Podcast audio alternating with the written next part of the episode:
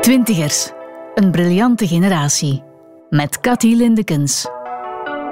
Ik ben Kira Gantois en ik ben een enorme organisatorische stresskip. Veel jongeren vinden dat de huidige problemen die hun toekomst hypothekeren de schuld zijn van vorige generaties. Wat het klimaat betreft hebben we het de voorbije eeuw inderdaad niet zo goed gedaan. Met hun oplossingsgerichte kijk en hun communicatievaardigheden tracht een hele beweging jongeren de natuur te helpen. Het is hun toekomst die op het spel staat. Kira Gantois zette samen met Anouna de Wever vorig jaar het klimaatprobleem op scherp door het organiseren van klimaatmarsen. Kira neemt ons mee naar dat unieke moment waar de beslissing genomen is, maar ook naar haar jeugd, die ze deels in een instelling heeft moeten doorbrengen. En naar haar liefde voor haar stiefoma Bonnie, voor wie ze vandaag zorgt. Een sterk verhaal van Kira Gantois. Als ik terugdenk aan mijn jeugd, denk ik toch wel aan uh, de vakanties die ik met mijn opa en mijn pleegmama heb gedaan. Uh, want we gingen echt elk jaar op reis naar Oostenrijk om te gaan wandelen in de bergen. En dat is toch wel het eerste waar ik aan denk en dat me echt wel bijgebleven is. Ik heb problemen gehad met mijn ouders, maar um, ik kom toch wel uit een warm nest, want ik ben dan uiteindelijk opgevoed door mijn opa en mijn oma. En die hebben mij echt wel heel goed uh, opgevoed, omdat ook die wisten dat ik het niet zo gemakkelijk heb gehad vroeger. Dus die wilden ook dat ik niks tekort kwam en dat ik ook wel echt een, een hechte band had met hen en dat ik ook wel alles kon zeggen tegen hen. Wie zijn je opa en oma? Uh, mijn opa is momenteel ook al gestorven, al vijf jaar geleden. Ik vind dat jammer, want eigenlijk ja, vijf jaar geleden, toen was ik vijftien. Ik was nog niet in het ja, leven dat ik nu zit. Want als je 15 bent, is je leven totaal anders dan dat je 20 bent. En ik heb daar nooit echt een hechte band mee gehad, of toch niet zoals het zou moeten, omdat ik ook wel ja, jaren heb gehad in mijn leven dat ik het heel moeilijk had en dat ik daardoor toch wel vaak uh, boos was of zo slechtgezind rondliep. Um, en hij werd daar dan ook slechtgezind van. Uh, en ja, ik vind het wel jammer dat hij mij niet heeft zien opgroeien tot mijn twintig. Maar met mijn oma heb ik echt een heel goede band. Dat is echt een ja, dat is echt een mama voor mij. Omdat ik, ja, zij heeft mij opgevoed vanaf dat ik klein was tot aan mijn zeven. En dan van mijn twaalf tot nu. En dat zijn echt de belangrijkste jaren dat ik met haar heb gespendeerd. En ja, als er iets is, dan, dan ga ik altijd naar haar. En dus ja, dat is echt een hele lieve, warme vrouw. En ik bedank haar echt nooit genoeg voor alles wat hij voor mij heeft gedaan. Zij was de eigenares van een carrosseriebedrijf. Ja, klopt. Ja. Zij, was, uh, ja, zij had een eigen carrosseriebedrijf. En als ik dat zeg tegen mensen, is het altijd zo van... Ah, een vrouw met een carrosseriebedrijf. Maar ja, ze heeft, dat, ze heeft dat opgestart en ze heeft dat heel goed gedaan. En zij was de vriendin van jouw opa? Ja, zij was de nieuwe vriendin van mijn opa. Uh, maar die waren al samen van voordat ik geboren was. Dus ik heb eigenlijk nooit anders gekend eigenlijk. Mijn uh, opa was de vader van mijn mama en uh, mijn mama is ondertussen ook al gestorven. Mm, en wie was je mama? Goh, mijn mama heb ik niet zo goed gekend eigenlijk. Um, ik heb die wel... Um, toch wel een aantal jaren heb ik die wel gezien, uh, om de maand of zo, denk ik. Uh, maar die had een nieuwe vriend en um, daar kwam ik niet zo goed mee overeen. Uh, en de momenten dat ik bij mijn mama was, heb ik eigenlijk veel zo tv gekeken of zo gekleurd in mijn kleurboekjes of zo. Elke keer als ik daar was, voelde ik mij ook wel een beetje raar, omdat dat lijkt... Je bent bij je mama en iedereen zegt wel van dat is je mama, maar dat voelt niet zo. Dus mm -hmm. toen ik een jaar oud was, ben ik al bij um, mijn oma en mijn opa gaan wonen. Mijn broer is iets ouder, dus die weet daar wel meer van.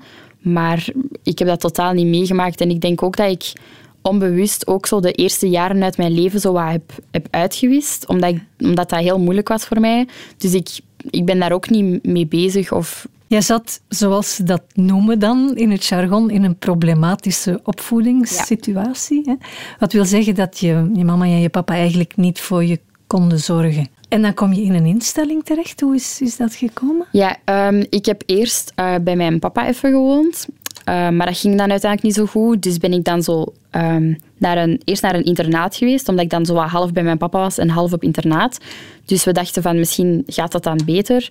Maar uiteindelijk was dat niet. Dus uh, dachten ze dat voor iedereen van mijn familie ook het beste was om mij in een instelling te steken, omdat heel veel ruzie was over um, de bezoekregelingen, van ja, wanneer moet ik waar naartoe.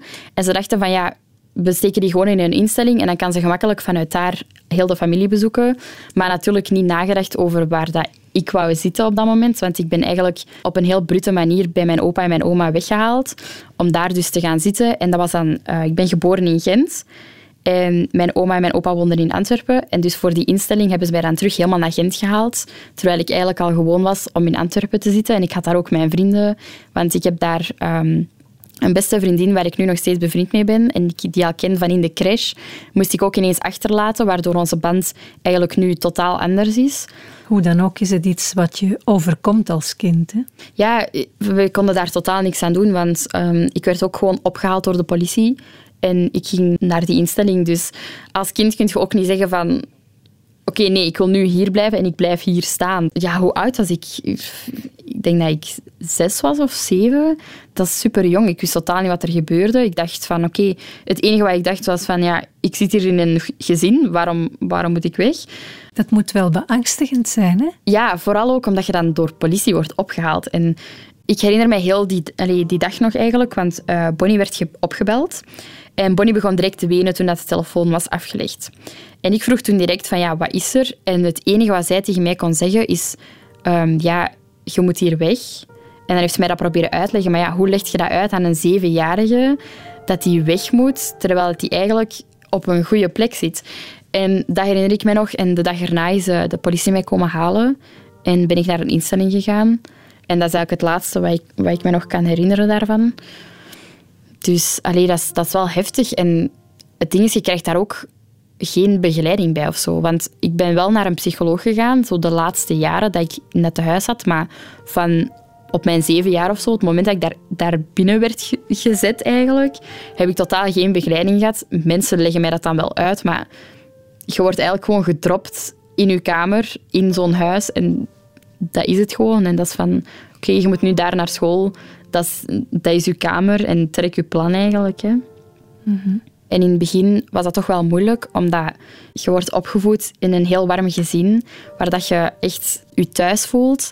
En ineens was ik dan daar en ik had gewoon het gevoel dat ik, dat, dat ik zo nergens meer terecht kon. En dat ik, ik voelde mij... Ik weet nog wel dat ik de eerste jaren echt dacht van ja, waarom ben ik hier? En ik vond dat lastig, dat, want alles werd voor mij geregeld. Er werd geregeld welk weekend ik waar naartoe ging. En ik moest elke dag naar school. En wat logisch is natuurlijk, maar dat is een, een, nieuwe school. En ik had wel geluk met de leerkrachten op mijn school, want die waren allemaal wel echt heel tof. En ik kon daar altijd... Want ik heb een, een leerkracht uit het zesde leerjaar, waar ik nu nog steeds mee babbel, omdat die ook gewoon weet hoeveel ik heb meegemaakt. En die vindt het leuk om mij zo te zien opgroeien en hoe dat ik... Openbloeien. Voilà. En nadat alles wat ik heb meegemaakt, dat, dat ik er toch ben, ben geraakt. Uh, en ik heb ook wel veel problemen gehad in die instelling, want um, ik ben een paar keer toch weggelopen, omdat ik het daar echt niet meer zag zitten. Um, dus er zijn ook wel jaren geweest dat ik het echt heel lastig heb gehad. Elk jaar komt uw consulent langs om dan te vragen van, en hoe is het? En um, elk jaar vroegen ze mij van, ja, uh, wat wilt jij? En ik zei elk jaar opnieuw van, ik wil bij opa en Bonnie terug gaan wonen. En uh, elk jaar hebben ze dat eigenlijk een beetje genegeerd. Uh, maar dan was er één consulente die toch dacht van... Kom aan, als hij dat elk jaar zegt, we moeten daar echt iets aan doen. En dan heeft hij uiteindelijk uh, toch ervoor gezorgd dat ik dus terug bij mijn opa en mijn oma kon gaan wonen. En ik kreeg dat dan te horen, dat ik daar um, mocht gaan wonen terug. En toen heb ik eigenlijk een jaar lang ben ik super braaf geweest. Omdat ik zo dacht van oké, yes, nu kan ik gewoon terug braaf zijn, niet meer rebelleren, want mijn vraag is eindelijk uh, gehoord.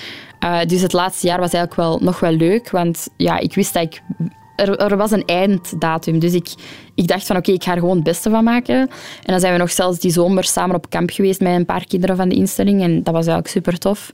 Maar ik was toch wel blij dat ik daar weg kon. Hoe is het leven in zo'n instelling? Niet gemakkelijk. Um, ik vind het is, het is goed dat dat bestaat voor jongeren die het moeilijk hebben en inderdaad in zo'n probleemsituatie zitten en daar niet uit geraken en dat dat de enige oplossing is. Maar ik zat in een situatie waar ik goed zat. Het leven in een instelling is echt niet gemakkelijk. Um, er zijn elke dag ongeveer drie à vier opvoeders die daar rondlopen. Maar die hebben ook hun administratieve taken en die moeten ook um, ja, strijken en wassen en alles. En um, wij zijn daar met ongeveer toch tien of elf kinderen, dacht ik. Dus ze kunnen onmogelijk u de aandacht geven dat je krijgt in een gezin. Elke dag zijn het dan ook andere opvoeders, want die hebben dan een vaste dag dat die komen werken. En ik heb altijd het gevoel, ja, ik kon nooit echt als ik een probleem had zo ergens terecht, omdat bij de opvoeder dat je dan wel terecht kunt, dan moet je zo'n paar dagen wachten voordat je die nog eens ziet. En dat was wel lastig. Je had nooit zo het warme gevoel van een gezin, ook al werd je met superveel daar. Maar elke dag hoorde je wel van ja, mijn mama heeft een probleem of mijn papa heeft een probleem. Of mijn mama is mij bijvoorbeeld, er is heel vaak dat kinderen daar dan in het weekend weg mogen naar hun ouders en dat die ouders die gewoon niet komen ophalen. Dus dat is echt zo'n heel deprimerende situatie daar, omdat je constant eigenlijk problemen hoort van andere mensen en je wordt dan zelf ook een beetje naar beneden getrokken, vind ik. Maar uiteindelijk, ja, je bent heel zelfstandig, want je moet zelf uiteindelijk, als je oud genoeg bent, je strijk doen en je was doen. En dus op zich ben ik wel heel snel zelfstandig geworden, maar ik denk een beetje op een te vroege leeftijd daardoor. Was het ook eenzaam? Ja, eigenlijk wel. Eigenlijk heel, heel eenzaam, want um, ik zocht toch altijd... Allee, ik had dat van mezelf ook door, dat ik wel contact zocht met mensen. Omdat je komt thuis, je doet je huiswerk, maar je zit alleen op een kamer en de enige reden dat je naar beneden gaat, is dan om te eten en dan gaat je terug naar je kamer en dan slaapt je. Maar ja, het is eenzaam, hè. constant op je kamer zitten en eigenlijk geen contact hebben met mensen. Dat vind ik wel jammer aan een instelling, dat je eigenlijk niet zo het contact hebt dat je, dat je verdient. Eigenlijk. Mm Geen warmte genoeg. Ja. En had je vrienden? Ja, dat wel. Um, op school had ik wel vrienden, maar echt in die instelling zelf... Uh, ik had één goede vriendin daar, maar die was dan uiteindelijk weggegaan. Dus ja, dan heb je dat ook niet meer. En dan ga je terug naar Bonnie en opa. Herinner je je nog die eerste dag dat je terug mocht? Eigenlijk niet. En ik vind dat ergens wel jammer dat ik me dat niet meer herinner, omdat dat toch wel als ik daar nu op terugdenk van dat ik besef dat ik uit een instelling mocht en dat ik dan terug naar hen mocht, denk ik toch wel dat ik super blij was. Allee, ja, het moment dat ik terug mocht. Maar nee, ik denk dat ik gewoon vanaf ik te horen kreeg dat ik terug mocht, uh, hebben ze mij meer en meer weekends naar daar gestuurd om terug zo wat op te bouwen, om naar daar te gaan.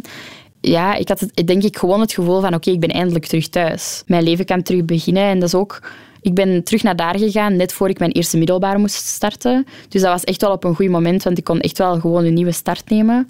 Um, maar voor de rest herinner ik mij daar echt niet zoveel van. Mm -hmm. En had je met je mama en je papa nog contact dan? Uh, met mijn mama heb ik uh, geen contact meer gehad. Uh, echt al de laatste twee jaar dat ik in die instelling zat. Um, en met mijn papa heb ik eigenlijk wel altijd contact gehad.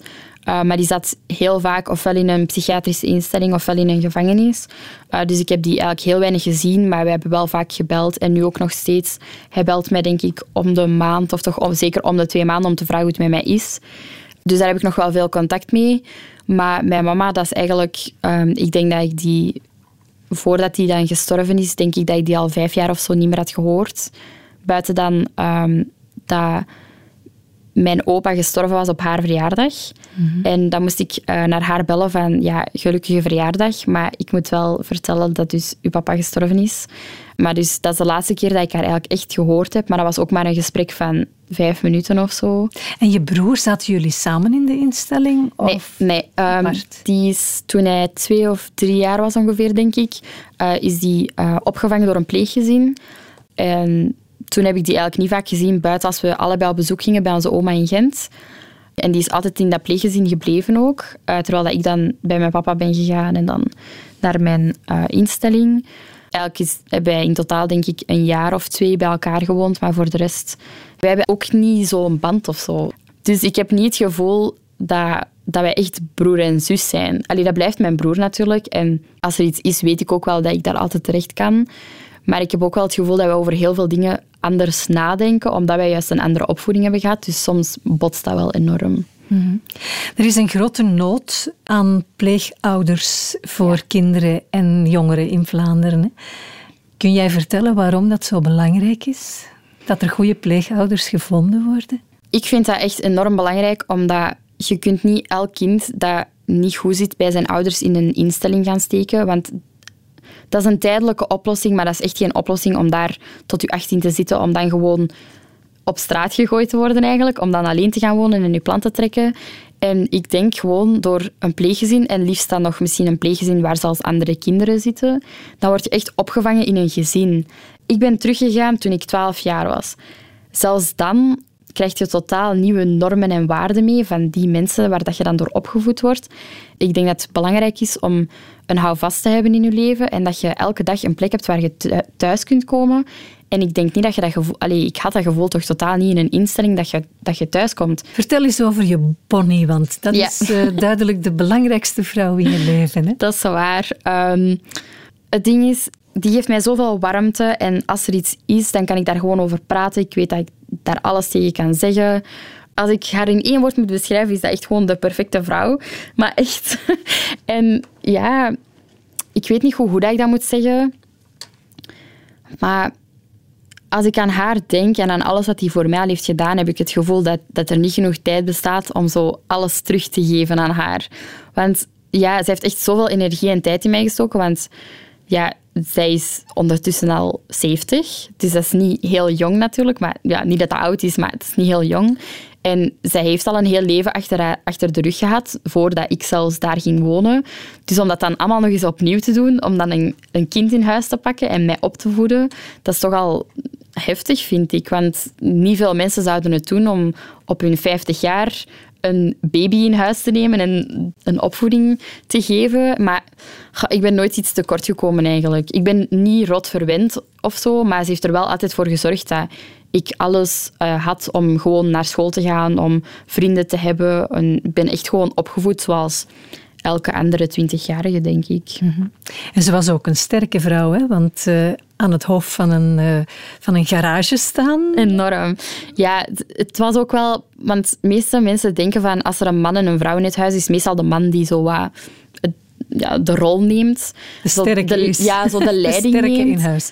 Maar bij ons was dat eigenlijk niet. Bij ons was dat eigenlijk gewoon Bonnie vooral. Want ook elke keer bijvoorbeeld toen ik de leeftijd kreeg om naar feestjes te gaan, was ik ook altijd...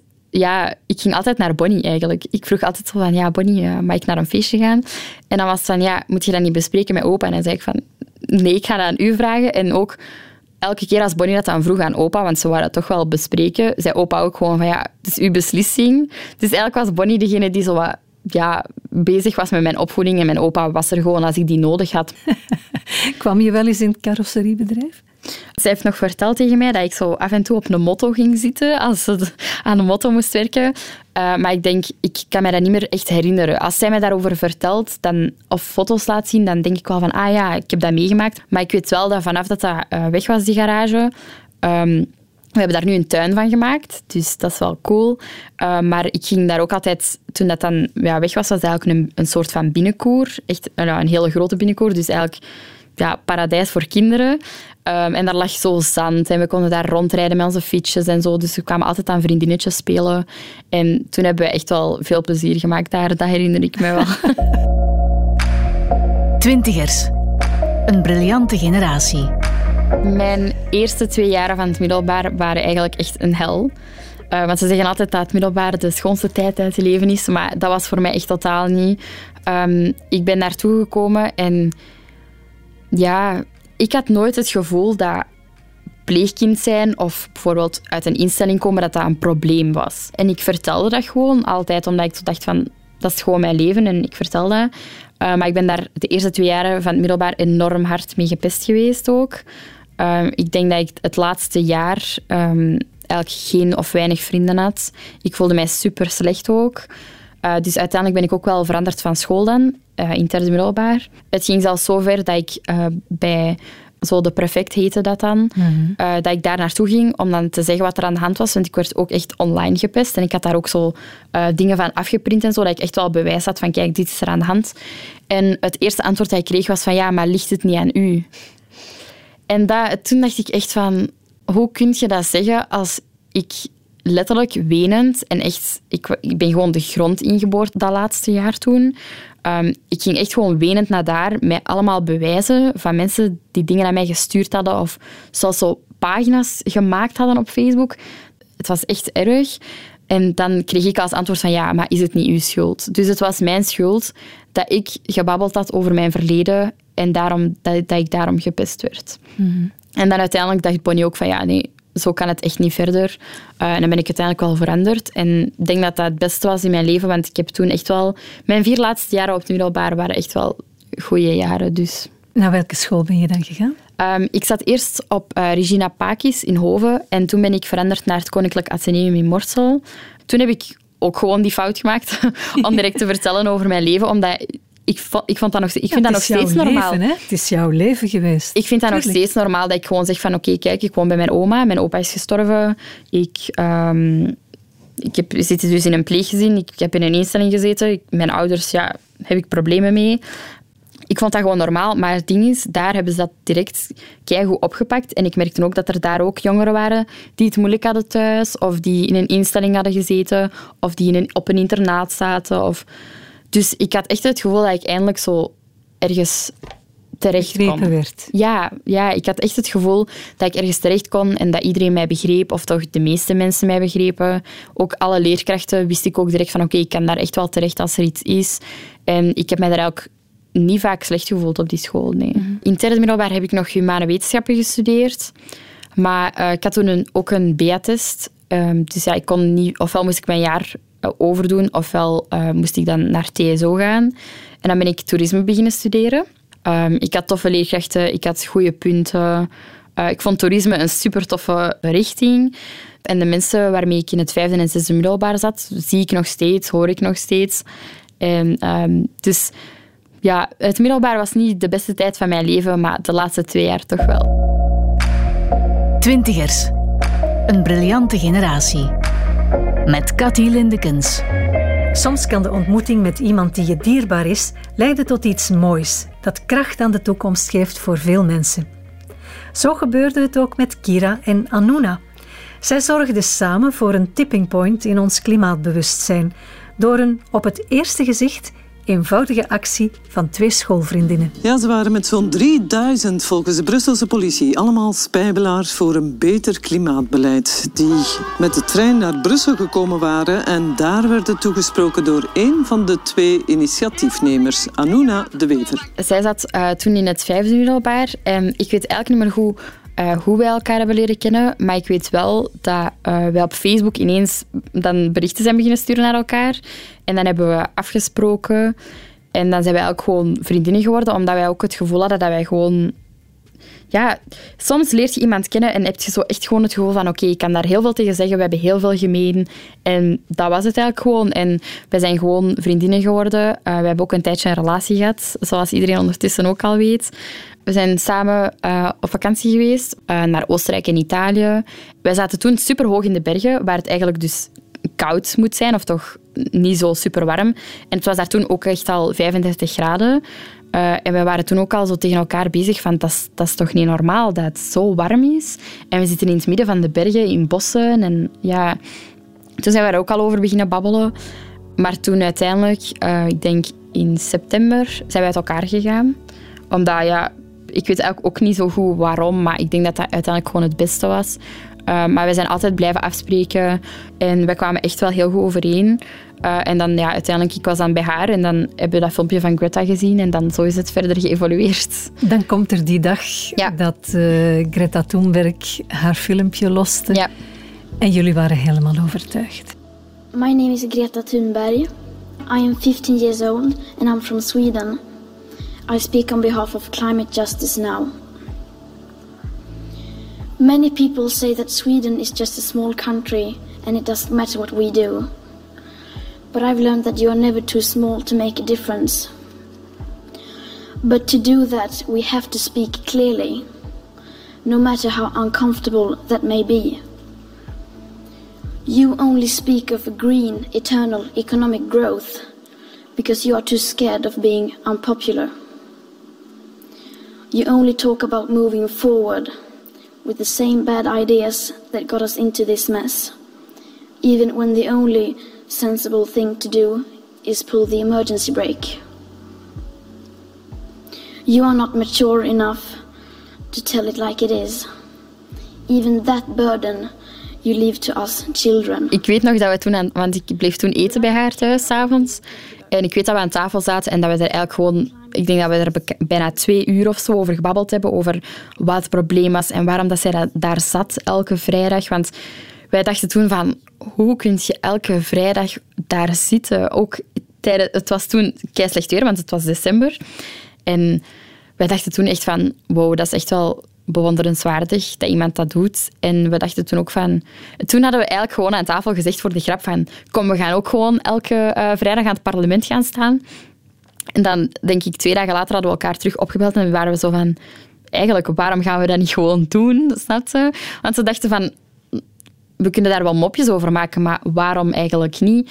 En toen zijn we dan beginnen nadenken. Allee, hadden we terug afgesproken en zijn we beginnen nadenken van oké, hoe gaan we dat naar de buitenwereld brengen, dat we elke vrijdag daar gaan staan? En dan hebben we uiteindelijk met uh, nog twee andere meisjes ook afgesproken. Met het idee van, kijk, we willen, we willen dat starten. Uh, we willen een video maken om mensen op te roepen om dus elke vrijdag aan het parlement te komen staan. Uh, hebben jullie ideeën hoe dat we dat kunnen doen? En dan uiteindelijk hebben we op een hele koude dag, dat weet ik nog, ik denk dat zelfs, het was 26 december, denk ik, uh, hebben wij dus een uh, video opgenomen met een aantal jongeren dan in de stad. 75.000 mensen betogen voor het Ecopact. Twee dagen later zijn we een van de enige landen die niet tekent. Wetenschappers blijven zeggen hoe snel dat we ons eigen graf aan het graven zijn. Maar niemand doet er iets aan. Waarom zouden we naar school blijven gaan als er toch geen toekomst meer voor ons is? We zijn klaar met het wachten en het niets doen. Het is tijd dat dit probleem eindelijk serieus wordt genomen. Ik wil niet leven in een wereld waar ik mondmaskers op straat moet dragen. Hoe gaan we later onze kinderen in de ogen kunnen kijken en zeggen dat we het wisten zonder iets te hebben gedaan? De tijd waarin het klimaat als onbelangrijk wordt aanschouwd is gedaan. We moeten stoppen met dit probleem te negeren. Het is nu aan ons als jeugd om onze stem te laten horen. En wij gaan niet toekijken hoe die van ons wordt afgenomen. Zoals Greta Thunberg zei, we are coming whether you want it or not. Vanaf 10 januari staan wij elke donderdag aan het Frans parlement om te vechten voor onze toekomst. Twee weken later was onze eerste klimaatmars. En toen kregen we ineens telefoon van um, de politie van Brussel dat we geen uh, manifestatie mochten doen zonder toestemming van de politie. En dat we dus um, zo'n toestemmingsformulier moesten inbrengen en dat dat wel twee weken kon duren. Dus de politie volgde Facebook ook? Voilà. Maar dat was drie dagen voor onze klimaatmars. Dus ja, we konden moeilijk uh, toen nog dat, in, dat, formulier laten invullen en laten um, goedkeuren. goedkeuren. En toen zei ik tegen de politie van ja, maar dat is wel al binnen drie dagen, dus kan er niks geregeld worden. En toen had die gezegd, oké, voor één keer is het goed. En dan hadden ze, ook, uh, hadden ze ons nog eens teruggebeld om dan te zeggen van oké, op dat pleintje mogen jullie gaan staan. Maar dus we hadden een Facebook-evenement en daarop stonden dus al 2000 en zoveel mensen op aanwezig en al 10.000 mensen op geïnteresseerd. En ik belde toen terug naar de politie en ik zei, ik denk dat dat klein pleintje niet goed genoeg gaat zijn. En toen zeiden van, oei, ja, dat is wel een probleem. En dan had hij gezegd van, oké, ik ga dat even uh, bespreken met mijn collega en ik bel u terug. En dan had hij mij teruggebeld. en dan had hij gezegd van, oké, jullie mogen op het uh, Europaplein of Europa-kruispunt daaraan centraal gaan staan. En dan toen, uh, ja, toen stonden wij daar, de eerste klimaatmars.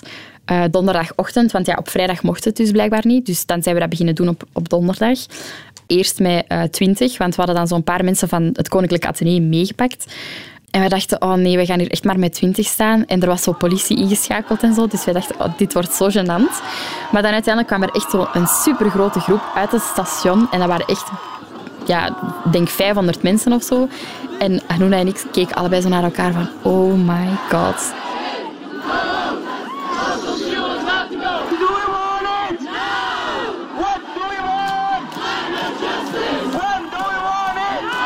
Allee, dat was echt gek en we hadden dat totaal niet verwacht. En we waren allebei super blij, maar ook wel een beetje gestrest, omdat we hadden een speech voorbereid.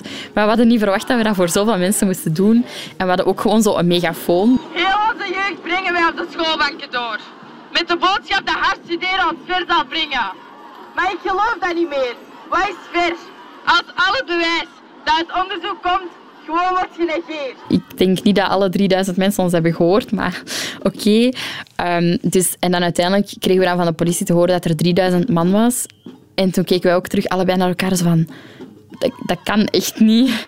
En um, we waren echt super blij. En we denk dat dat echt wel de beste dag was uit mijn leven. Zo de moment dat, dat je zo denkt van oké, we zijn dus gewoon begonnen met naar Greta te kijken en dan zo een stomme opmerking aan tafel van kom, we gaan ook eens elke vrijdag aan het parlement gaan staan.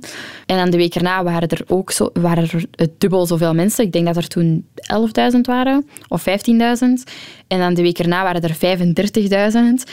En toen dacht ik echt dat we allebei een hartinfarct gingen krijgen toen er 35.000 mensen op straat stonden. Want ook, uh, normaal gezien was de route dan van Centraal naar Brussel-Noord. Maar we hadden dan uiteindelijk gezegd van ja, we verwachten echt superveel mensen, dus dat gaat echt niet. Dus hebben ze uiteindelijk um, de route gemaakt van Brussel-Zuid naar Brussel-Noord of zo, denk ik. Ze hebben het al sinds langer gemaakt. Jullie um, hebben dan wel de hulp gekregen van de ja, politie? Ja, de politie heeft ons echt wel geholpen, omdat ook... Um, we waren met twee om dat te regelen in het begin. Dus we konden dat onmogelijk allemaal regelen. En we, hebben, hadden dan uiteindelijk ook wel stewards, want dat was verplicht. Dus we hebben ook wel echt mensen opgeroepen van oké, willen jullie stewards zijn op de, op de betogingen? Want ja, we hadden dat nodig. Maar dan, de politie heeft ons echt wel supergoed geholpen. Want we hadden dan een afspraak dat sowieso elke week doorging. Maar dat ze onze dag ervoor nog eens gingen bellen om te vragen of het wel doorging. Maar ze hebben echt, uiteindelijk hebben ze echt superveel mensen elke keer ingezet om ervoor te zorgen dat alles wel veilig was en zo. Want er zijn natuurlijk wel 35.000 jongeren die op straat lopen. Dus dat is ook wel... Allee, de politie vond dat ook wel cool. Want allee, die mogen dat eigenlijk niet zeggen. Maar toen er zo 35.000 mensen op straat wandelden, kwamen die ook wel zo naar ons van... Goed gedaan. Het was dus, ook goed gedaan, hè? Ja, dat was echt wel gek. En het was wel jammer dat daarna iets minder was. Maar we, we begrepen het ook wel. Want uh, bijvoorbeeld, we hebben dat echt wel ik denk dat we dat zes maanden gedaan hebben, zeven maanden. En kalm en waardig. Voilà, en we hebben daar elke week opnieuw gestaan. Gemotiveerd. En ja, dat is het eerste, want Bonnie zei ook direct tegen mij van... Jij bent nog nooit zo gemotiveerd geweest om iets te doen. Zie de dromen en hoop voor de toekomst die in de ogen van alle jongeren verscholen liggen. En stel jezelf de vraag, ben ik een deel van het probleem of van de oplossing? Stond elke donderdag met plezier op. Ik ging met plezier naar Brussel. Ik dacht, oké, we gaan deze weer doen.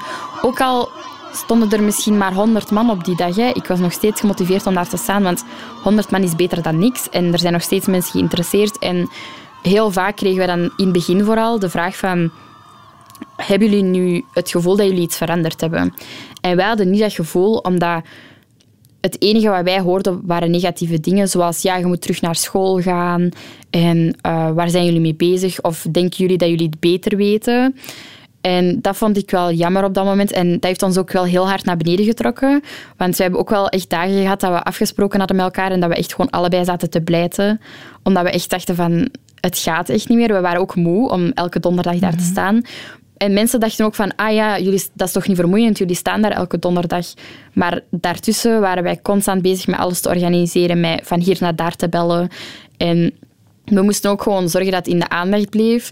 En om dan te horen van, ja, eh, wat doen jullie eigenlijk? En stop er gewoon mee. Het was wel, wel echt heel uh, heftig. Uh, en mensen vroegen dan ook altijd van, ja, denken jullie dat er iets veranderd is? En wij zeiden altijd van, nee, we hebben eigenlijk dat gevoel niet. Maar nu dat ik achteraf terugkijk, en nu nog steeds, uh, heel veel mensen zijn er nog steeds over bezig. Het is een enorm groot onderwerp ge geworden. Uh, het is een keuzevak geworden op veel universiteiten. En nu, als ik daar achteraf op terugkijk, denk ik echt wel van, wow, we hebben echt wel iets veranderd. En het heeft echt wel nut gehad dat wij zeven maanden lang elke week op straat hebben gestaan. Maar op dat moment hadden wij totaal niet dat gevoel. School children across the country are expected to skip classes on Friday as part of a strike against climate change. I do not accept that taking time off school is useful for children. Spijbelen, ik, uh, dat staat echt niet in mijn woordenboek. Ik vind dat geen goed idee. Ik heb dat nooit een goed idee gevonden. Kids should go to school.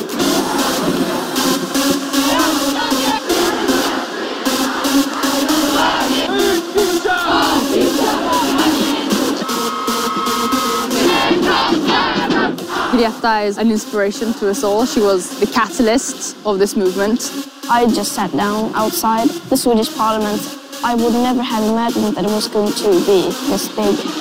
She was my inspiration to start this. Together we've started a revolution. We will be in 100 countries at least. Basically towns and cities everywhere. It's going to be gigantic. We're marching towards Buckingham Palace! My name is Greta Thunberg. I'm a cl climate activist from Sweden. And today, uh, uh, in this room, there's also Anuna, Adelaide, Kira, Gilles, Dries, Toon en Louisa. Die kwam ook in een mediastorm terecht. Hè? Moet ook voor zo'n jonge meisjes niet gemakkelijk geweest zijn. Nee, totaal niet. En we hadden dat ook totaal niet verwacht, want we dachten gewoon van, we gaan daar gewoon elke donderdag staan. Allee, ja, ik bedoel, nee, dat boeit toch niemand, dachten wij. Maar blijkbaar was dat dan toch een heel groot ding. Um, en in het begin ging dat wel goed. Want bijvoorbeeld uh, de eerste mars waren er vijf radiostations dat ons wilden bellen die ochtend. Maar ja, wij moesten ons ook klaarmaken toen. We hadden superveel stress, want dat was onze eerste mars. Wij wisten niet hoeveel mensen er gingen zijn. Dus we hebben echt met die, al die radiostations zo moeten plannen van oké, om dat uur gaan we bellen en om dat uur gaan we die dan bellen. En dus dat was heel heftig. Maar mensen um, vragen zich dan ook altijd van ja, hebben jullie eigenlijk mediatraining gehad? Want dat is toch niet gemakkelijk om al die interviews te doen en dan op tv en op radio en alles. We hebben ons daar eigenlijk gewoon doorgeborsteld, eigenlijk. En elke week opnieuw hebben wij gewoon onze interviews gedaan. En op den duur ging dat ook eigenlijk gewoon vanzelf, want je wordt elke week gewoon opgebeld om dan te vragen hoeveel mensen dat er zijn en uh, over hoe dat je je voelt en wat dat er eigenlijk nog moet veranderen of wat dat er nog niet veranderd is. En uiteindelijk bent je dat gewoon al gewoon geworden. Maar heeft dat niet mee het succes bepaald, dat jullie gewoon jezelf waren? Je ik, pure zelf? Ik denk het wel. Veel mensen spreken ons daar ook over aan van...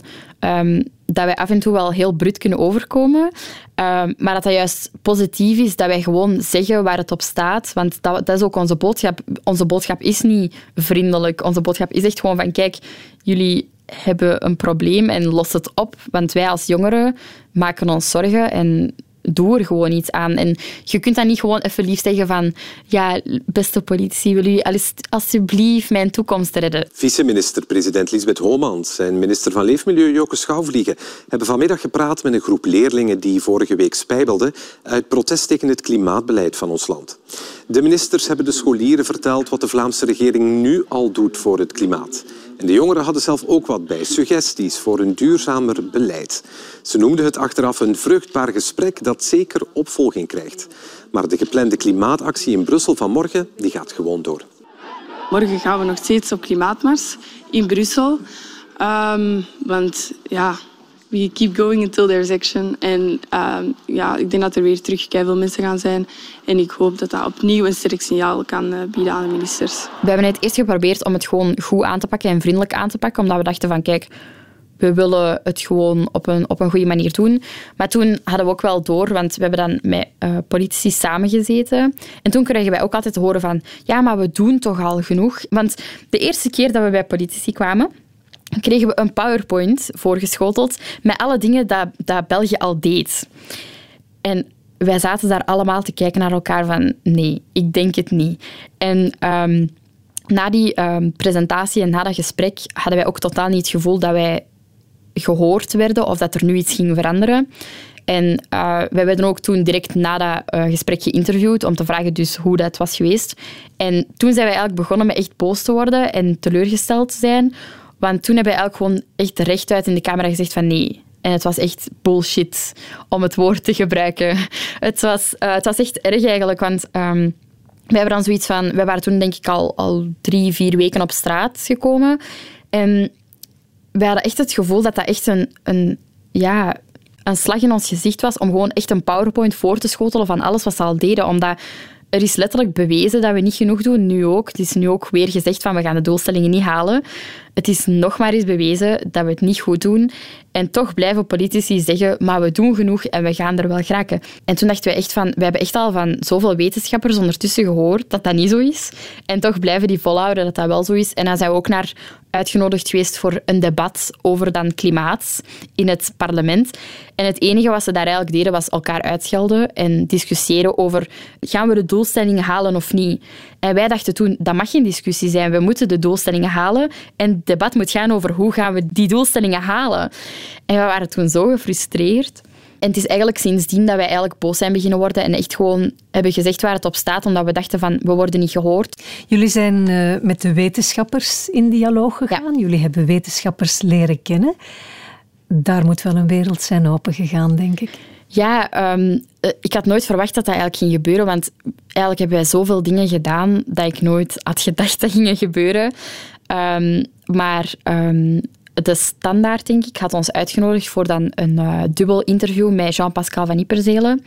En de moment dat ik die naam hoorde, wist ik totaal niet wie dat was. Ik had daar nog nooit over gehoord. En toen dat is de belangrijkste klimaatwetenschapper ja, in België. Ja, dat is echt de belangrijkste klimaatwetenschapper in België, maar ik had daar dus nog nooit van gehoord. En ik heb die dan opgezocht en toen zag ik dus dat dat een superbelangrijke mens was. En ik schaamde mij super hard dat ik, dat ik daar nog nooit van gehoord had, maar we hebben daar toen mee afgesproken en dat was een supervriendelijke mens.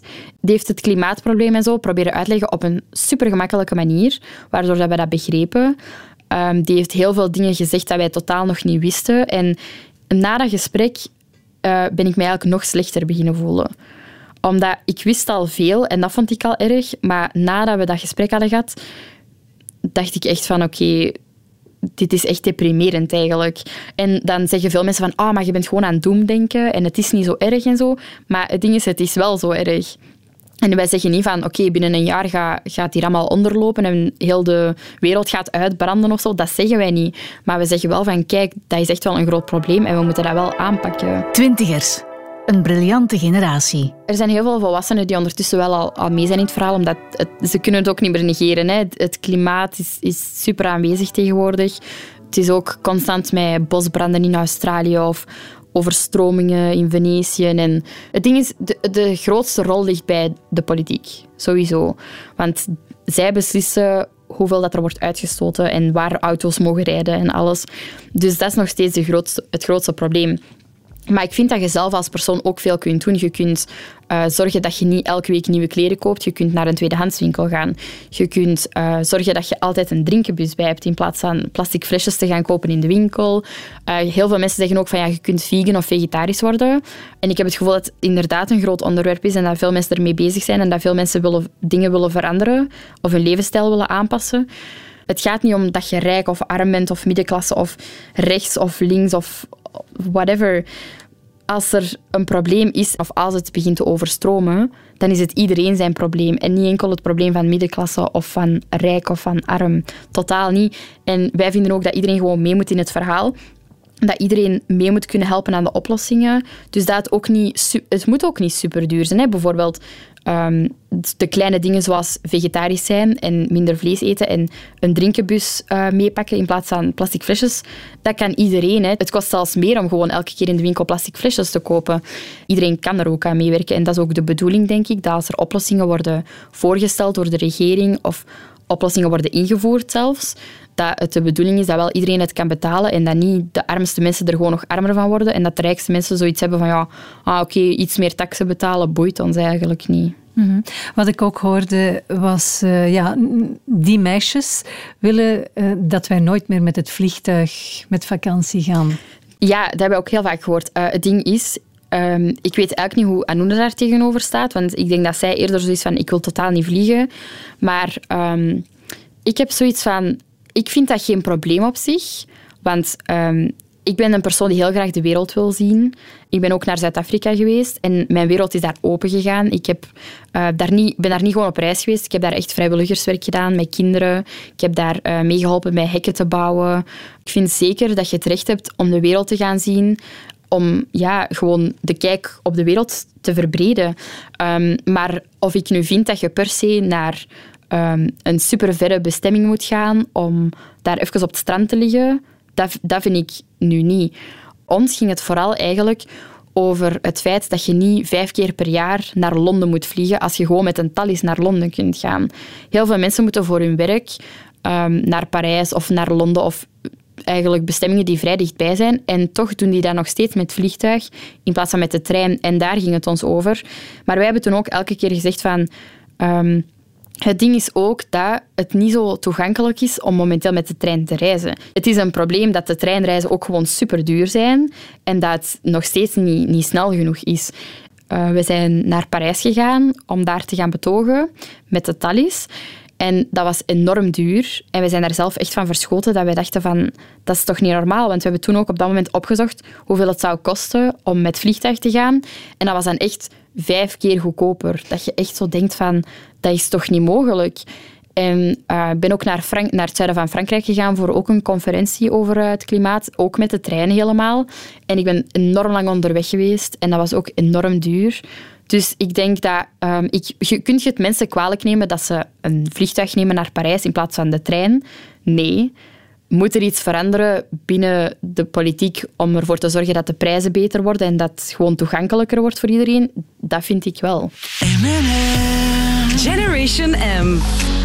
Oké, als je deze week online was, de kans is groot, dan heb je waarschijnlijk het nieuws gezien vanuit het Youth for Climate kamp. Uh, want een van de mede-oprichters, niet Anouna de Wever, wel Kira Gantois, die stopt ermee. Ik had heel vaak het gevoel binnen Youth for Climate dat... Um, ik was geen scholier meer, want ik zat al uh, op de hogeschool. Dus natuurlijk werd heel vaak de aandacht um, naar Anouna geduwd, omdat zij dan nog een scholier was en zij echt spijbelde. En daar op zich had ik totaal geen probleem mee, waar heel veel mensen zeggen dat dat wel zo is, maar dat was dus totaal niet. Want ik begreep dat ook wel. Uh, maar mij ging het vooral uh, over het feit dat uh, we hadden dan uiteindelijk een groep opgesteld die samenwerkte met ons, omdat we dat onmogelijk nog met twee konden doen. En ehm, die groep luisterde eigenlijk vooral naar Anuna. Terwijl dat we eigenlijk met twee waren, met twee waren opgestart. Dus ik had zoiets van, er mag ook wel geluisterd worden naar mijn mening en zelfs naar andere mensen hun mening. En ik vond ook, wij waren met, met vijf of zes jongeren die in die groep zaten. Er zijn hoeveel jongeren zijn er in België?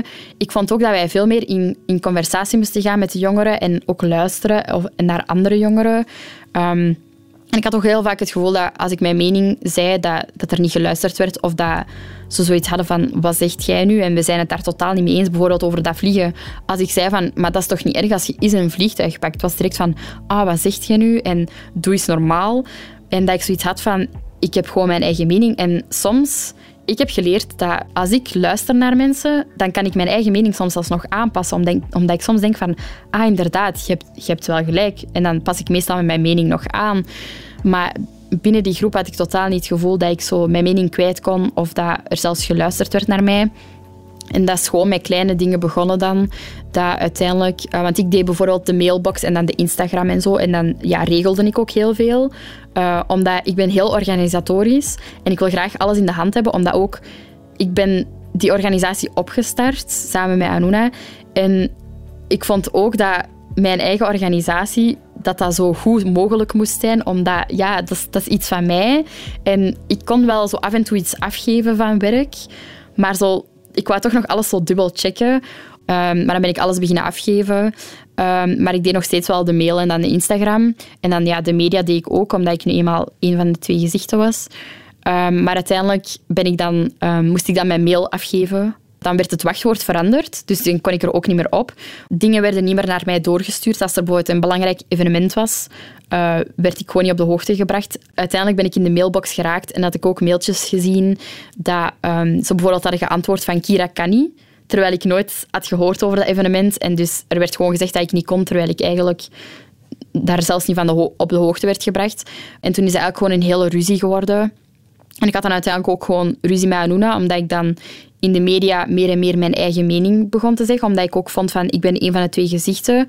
Mensen geven ook wel om wat ik te zeggen heb en niet enkel om wat Anuna te zeggen heeft. Uh, de dingen die ik heb gezegd hebben eigenlijk totaal geen schade gebracht aan Youth for Climate. Uh, maar voor haar kwam dat wel zo over. Dus is uiteindelijk een hele discussie geworden en een hele ruzie geworden, waardoor dat ik mij ook niet meer goed voelde binnen die groep. En toen ben ik eigenlijk beginnen beslissen van wil ik eigenlijk nog wel in een groep zitten waar ik me niet thuis voel. Want ik heb in mijn leven al zoveel moeilijke situaties meegemaakt en zoveel stress gehad, dat ik dacht van, is het dat echt waard om zoveel stress te hebben, om eigenlijk iets te doen wat je, wat je niet meer leuk vindt om te doen, omdat je niet je, jezelf kunt zijn. Heel impulsief um, heb ik beslist om eruit te stappen. Heb ik dus een heel lange brief uh, geschreven, die veel mensen gelezen hebben. Uh, maar ik, ik dacht echt van, oké, nu ga ik echt zoveel haatberichten krijgen en mensen die mij ja, gaan uitgelden of zo. Uh, maar ik kreeg, ik kreeg eigenlijk echt enorm veel lieve berichten van mensen die zeiden dat ze het al langer uh, zagen. Ook in de, als ik in de media kwam of zo, dat ze al langer zagen dat ik er niet meer zo gelukkig uitzag. En dat ze ook het gevoel hadden dat ik echt wel onder veel stress en druk stond. En uh, dat ze het goed vonden dat ik eruit was gestapt. Want dat um, zelfs zonder Youth for Climate dat ik nog steeds mijn boodschap kan brengen. En ik heb ondertussen wel meegeholpen met de Ocean Cleanup en zo. Dus het is niet dat ik, dat ik gewoon stil zit. Youth for Climate is nog steeds goed bezig. Ik ga nog steeds naar de, naar de marsen die er georganiseerd worden. Maar de vriendschap is niet overeind gebleven. Nee, jammer genoeg niet. Um, ik heb haar nog um, na dan mijn brief en na dan heel de media heisa dat ik eruit was gestapt, ehm, heb ik haar nog een berichtje gestuurd om dan te vragen of wij eens konden afspreken. Want ik wil er toch wel even gewoon met twee over praten, want we hadden dat nog niet gedaan. Ik heb daar nooit antwoord op gekregen. En dan onlangs toen ze dan vertrok met de zeilboot, heb ik ook gewoon gestuurd van kijk, uh, ondanks alles wat er gebeurd is, wens ik u toch heel veel succes en ik hoop dat het een goede reis is. En um, ja, ik hoop dat je daar enorm goede dingen kunt doen daar in Brazilië. En ik heb ook nooit antwoord gekregen. Maar dan denk ik in mezelf van, ik heb het geprobeerd. Ik heb geprobeerd om nog te sturen. Ik heb geprobeerd om het bij te leggen. En meer dan dat kan ik niet doen. En de vriendschap die is jammer genoeg voorbij. Ook al vind ik dat heel jammer, want ik denk dat als zij nog steeds, zelfs binnen een jaar of zo, naar mij zou sturen van kunnen we eens samen zitten, kunnen we eens babbelen over alles, zou ik nog steeds zeggen van oké, ja, is goed. Twintigers. Dat Chili de klimaatconferentie niet zal organiseren komt hard aan bij de klimaatactivisten, ook bij Anuna de Wever. Ik heb het gevoel van de ene drukking in de andere vallen. Voor ons als Youth for Climate is dit ook enorm belangrijk, omdat we vorig jaar um, de klimaatmars zijn begonnen en dus nu op een 25 na een jaar actie voeren, waar we er zelf bij zijn om ervoor te zorgen dat onze politie wel in verantwoordelijkheid hielden. En dat gaat nu misschien niet lukken. Elke keer als ik um, als ik iets zie in de media over haar en dan zie ik zo'n negatieve commentaar. En dan vind ik dat nog steeds jammer, omdat ik denk van die doet ook maar gewoon haar best. En dan, dan vind ik dat gewoon jammer dat ik zo niet even naar haar kan sturen van weet je, trek het u niet aan. Het zal altijd zo zijn, er zal altijd negatieve commentaar zijn, maar doe gewoon wat je doet. Je doet het goed en doe gewoon verder. Dus ik laat het gewoon zo, maar ik hoop dat ooit nog, zelfs al is het binnen 50 jaar, ik hoop gewoon dat we er ooit nog eens over kunnen babbelen en dat hopelijk misschien zelfs uitgepraat kan worden. Wat zijn jouw eigen dromen? Voor de komende jaren? Ik ben heel ambitieus eigenlijk. Uh, ik wil uh, heel graag... Ik ben de laatste tijd enorm gefrustreerd van het seksisme en racisme en alle haat eigenlijk dat er bestaat in deze wereld. Ik, ik ben echt enorm gefrustreerd de laatste tijd. Dus ik ben heel hard bezig met klimaat nog steeds. En ik wil daar ook mee bezig blijven. Uh, maar niet per se met de klimaatverandering, maar ook bijvoorbeeld met de dieren of de mensen die daardoor in de problemen komen, daar wil ik ook mee helpen. Dus vrijwilligerswerk wil ik ook zeker doen. Ik, ik studeer nu toerisme, dus ik ga echt wel verder in, in toerisme. Ik wil de wereld echt wel zien. En niet alleen om te reizen, maar ook gewoon om daarmee te informeren en te helpen met de plaatselijke bevolking. En gewoon, ja, ik wil zeker nog eens terug naar Zuid-Afrika, omdat Zuid-Afrika heeft echt mijn hart gestolen. Niet per se het land zelf, maar ook gewoon de mensen daar. En ik heb daar ook geleerd van, die, die mensen hebben zo weinig. Want we zijn dan naar um, lokale um, dorpjes geweest waar, waar de mensen eigenlijk echt gewoon niks hebben, zelfs soms geen drinkbaar water. Want wij als Europeanen beseffen volgens mij heel vaak niet wat wij hebben. Wij hebben constant contact met alles en iedereen. Wij hebben sociale media, wij hebben een gsm, wij hebben tv, wij hebben alles wat wij willen. Wij kunnen dat gewoon bestellen en de volgende dag ligt dat letterlijk bij ons thuis. Ik vind dat zo jammer dat, dat wij zo verzuurd zijn eigenlijk en dat wij zoveel commentaar geven op alles en iedereen en dat wij niet gelukkig zijn met wat wij hebben, terwijl er echt mensen zijn die arm zijn en toch nog steeds elke dag opstaan met een glimlach.